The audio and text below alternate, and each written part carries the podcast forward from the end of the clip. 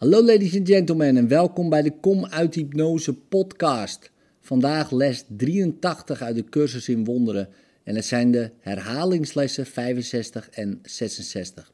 Laten we vandaag deze ideeën herhalen. Les 65. Mijn enige functie is die welke God mij gaf. Ik heb geen andere functie dan die welke God mij gaf. Dit inzicht bevrijdt me van alle conflict, omdat het betekent dat ik geen tegenstrijdige doelen hebben kan. Met maar één enkel doel ben ik er altijd zeker van wat mij te doen staat, wat ik zeggen en denken moet.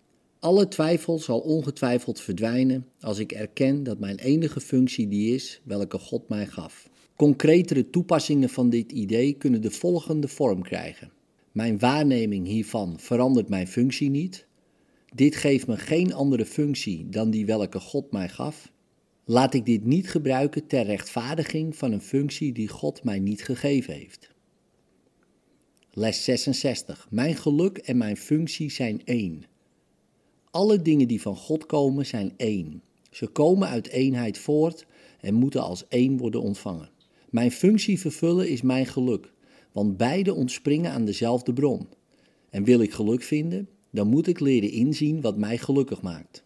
Enkele nuttige specifieke toepassingsvormen van dit idee zijn: dit kan mijn geluk niet scheiden van mijn functie. De eenheid van mijn geluk en functie blijft hierdoor volledig onaangetast.